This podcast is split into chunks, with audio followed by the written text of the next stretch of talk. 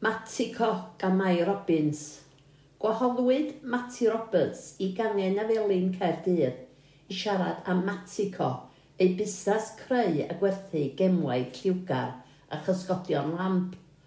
Ond buan y gwnaethom sylweddoli bod stori Matty yn llawer mwy na hynny, yn wir cawsom agoriad llygad. Nyrs ydy hi a gafodd ei magu yn yr eglwys newydd – ac yn gyn ddisgybl yn ysgol Melin Griffith a Glant Haf. Yn Llundain y dechreuodd ei gyrfa nyrsio ac ar ôl rhai blynyddoedd cymerodd y cyfle i deithio ac ehangu ei phrofiad nyrsio ac aeth i gana. Syrthio mewn cariad ar defnyddiau traddodiadol lliwgar a welodd yno. Prynodd rhai ac yn ei hamser spa aeth ati i ddysgu mwy am ddiwydiant textiliau Ghana tra bod siopau elusain Prydain ac Ewrop yn gwerthu gwastraff i wledydd tlawd fel Ghana, mae'n rhatach i'r bobl leol yno brynu'r dillad ei law yn y marchnadoedd yn hytrach na phrynu ei defnyddiau hardd ei hunain.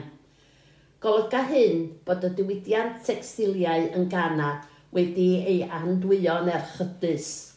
Nôl yn Llundain, ysgogodd y sefyllfa Mati i brynu mwy a mwy o'r defnyddiau a byddai'n teithio yn ôl a blaen ar bob cyfle i'w prynu. Heb wybod yn iawn beth fyddai'n ei wneud am hwy. Wedi dychwelyd i di dydd, bu'n ar brofi gyda'r ffabrig, ac yn syml iawn gofynodd ei ffrind iddi wneud cysgod lamp lliwgar iddi gan mai dim ond rhai plaen i'w cael yn y siopau ar y pryd. Gwelodd Mati ei chyfla Dysgodd ar-lein sydd i'w gwneud yn ogystal â'r gemwaith a dyma'r fesen bach wedi ei phlannu a chychwynodd ar ei busnes Matico, bu'n gwerthu mewn marchnadoedd cyn agor ei siop bach yn ardal Tregana.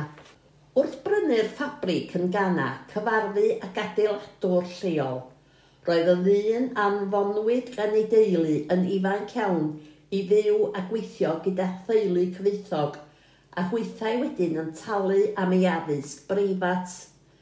Teimlai'n gryf ei bod ef ei hun wedi bod yn ffodus iawn i gael addysg ac am roi cyfle i blant teuluoedd clawd trwy godi ysgol ar ei cyfer.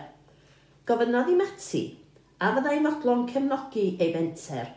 Erbyn hyn, roedd Mati con datblygu'n llwyddiannus ac fe benderfynodd Mati gydweithio i ddatblygu'r prosiect gan ddefnyddio arian ei busnes.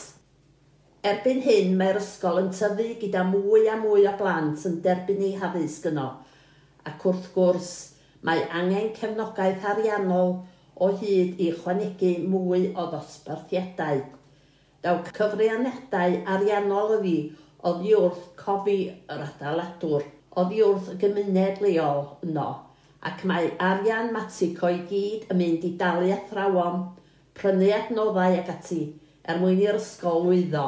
Mae Mati yn dal i nyrsio rhan amser, yn dal i brynu'r defnyddiau hard i wneud y lampiau a'r gemwaith ar gyfer ei busnes, ac mae'n brysur yn codi arian i barhau ar prosiect a'r dderchog hwn yn gana.